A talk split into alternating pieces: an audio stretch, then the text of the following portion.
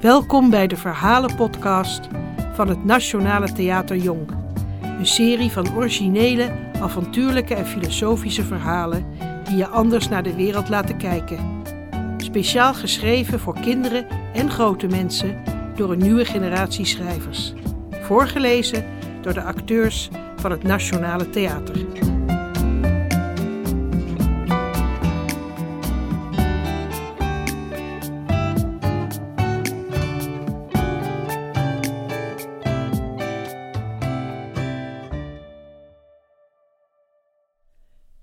Mijn pijn is een tien, door Eva Torop. Iedereen spreekt een taal. In het begin, als je net geboren bent, dan nog niet. Maar langzaam leert iedereen een taal.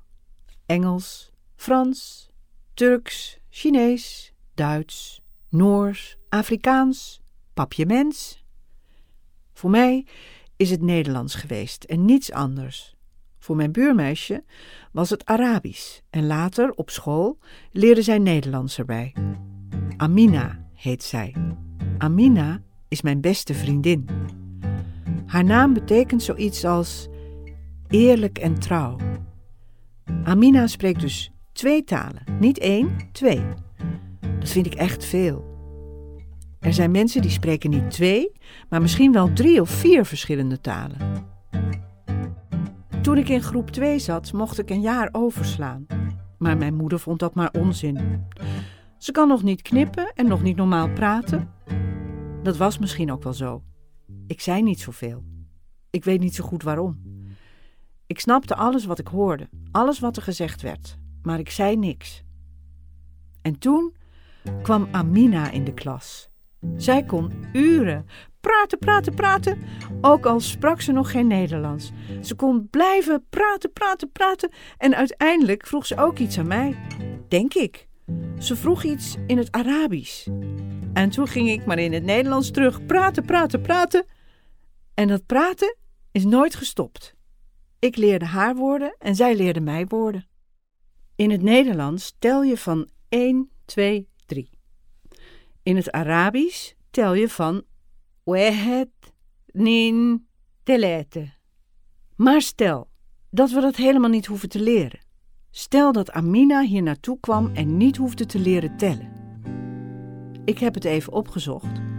Maar zo'n soort taal bestaat dus echt. Je zou denken van niet, maar je moet me geloven. Die taal bestaat. Die taal heet Piraha. Piraha wordt gesproken door de oorspronkelijke bewoners van het Amazone-regenwoud in Brazilië.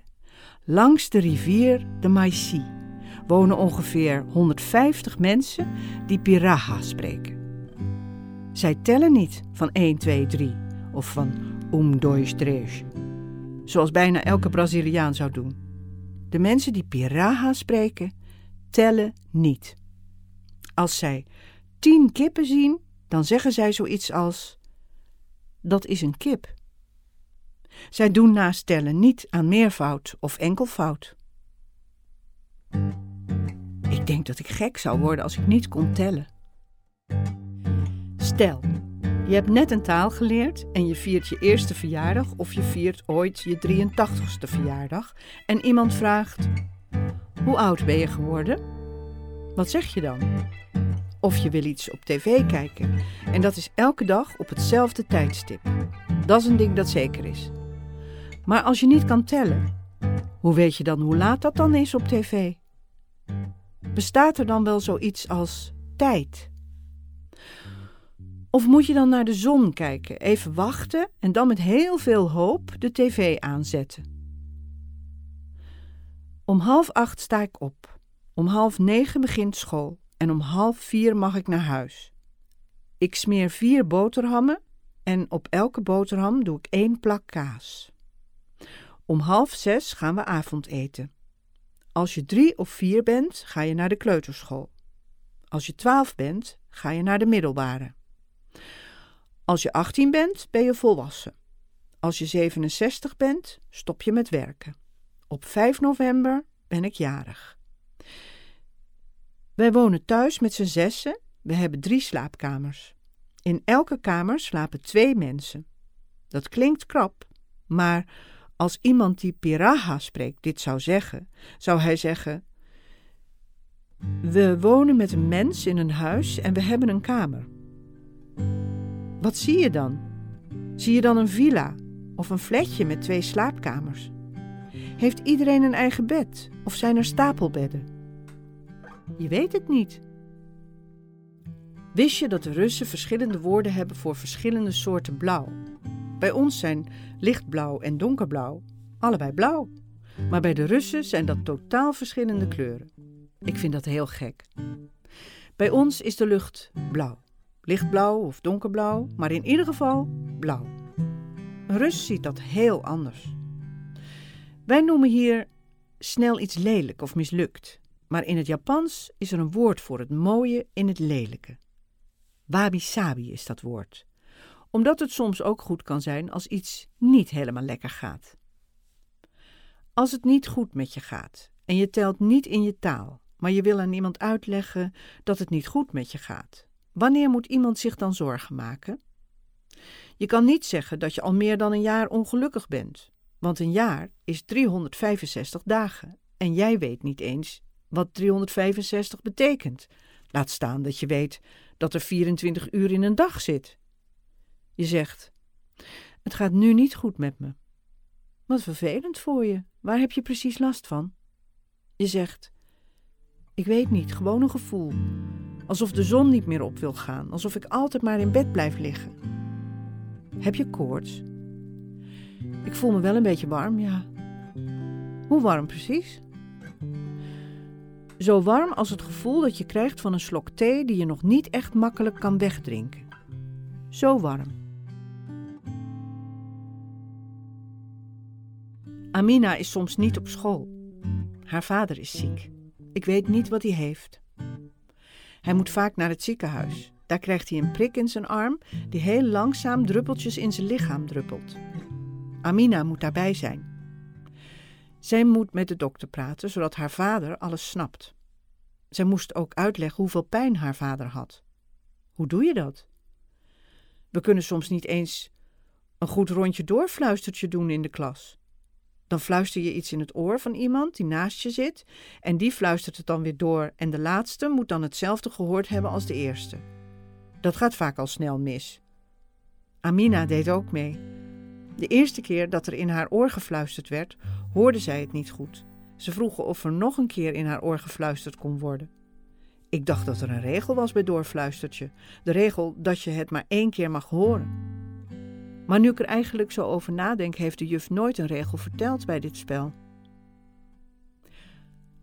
Amina, haar vader, moest zijn pijn een cijfer geven tussen de 1 en de 10. Als ik mijn teen stoot, is mijn pijn echt een 10, denk ik. De pijn van haar vader was laatst een 6, vertelde ze. Dus misschien valt het allemaal wel mee.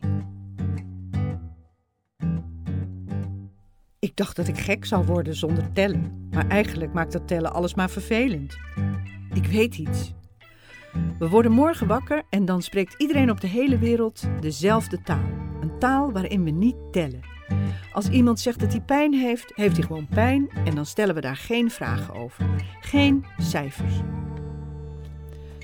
Als je denkt dat je koorts hebt, steek je gewoon een thermometer in je mond die alleen maar ja of nee zegt. Als de politie ziet dat je te hard rijdt, maakt het niet uit hoeveel je te hard rijdt. Je moet gewoon niet te hard rijden. Als je niet goed hebt geleerd en je zou een onvoldoende krijgen, noemen we dat geen onvoldoende meer. Je krijgt niet meer een 4 en iemand een 6. Je hebt gewoon goed geleerd of je moet de volgende keer beter je best doen. En als je goed je best hebt gedaan, mag je over naar de volgende groep. Het is dé oplossing. Ik zeg het niet graag, maar dit is geniaal. Het is de oplossing van alles. We stellen geen vragen meer. De dingen zijn gewoon zoals ze zijn. De dingen zijn gewoon zoals ze zijn. Rust. Niet meer wakker liggen over later. Niet meer op tijd zijn of te laat. Niet meer s'nachts wakker worden en bang zijn dat je je zal verslapen. Sinds wanneer heb je daar last van? Je zegt: Gewoon, een tijdje, denk ik. Nou, dan valt het toch wel mee. Je zegt: Nou, misschien meer dan een tijdje. Ik voel me niet goed sinds dat ik op het journaal hoorde dat het niet goed gaat met de wereld.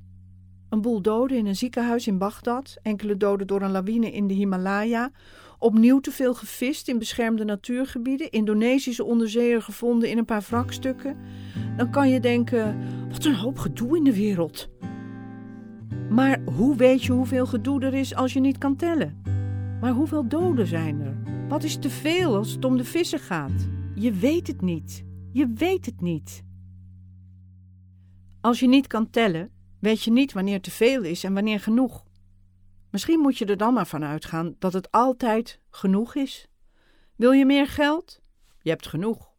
Wil je ouder zijn? Je bent oud genoeg. Wil je meer van de wereld zien? Je ziet al genoeg. Alles is genoeg.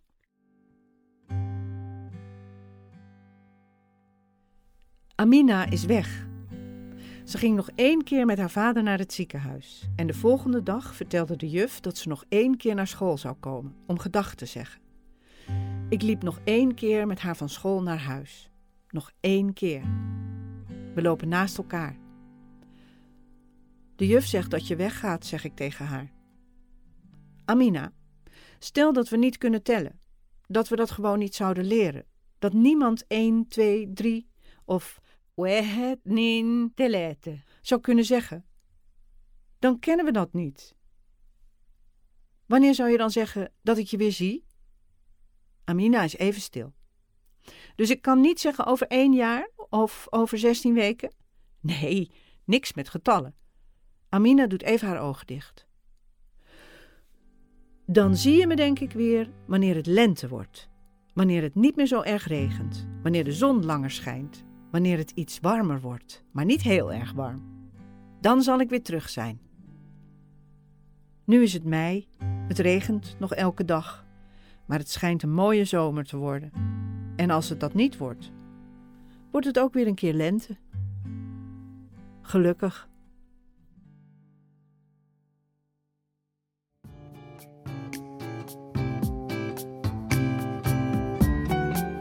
Dit verhaal werd voorgelezen door Betty Schuurman. Regie Noël Fischer. Muziek en soundscape Gerjan Schreuder. Schrijfbegeleiding Martine Mante. Geluidstechniek Alexander Kramer. Geproduceerd door het Nationale Theater Jong, Den Haag.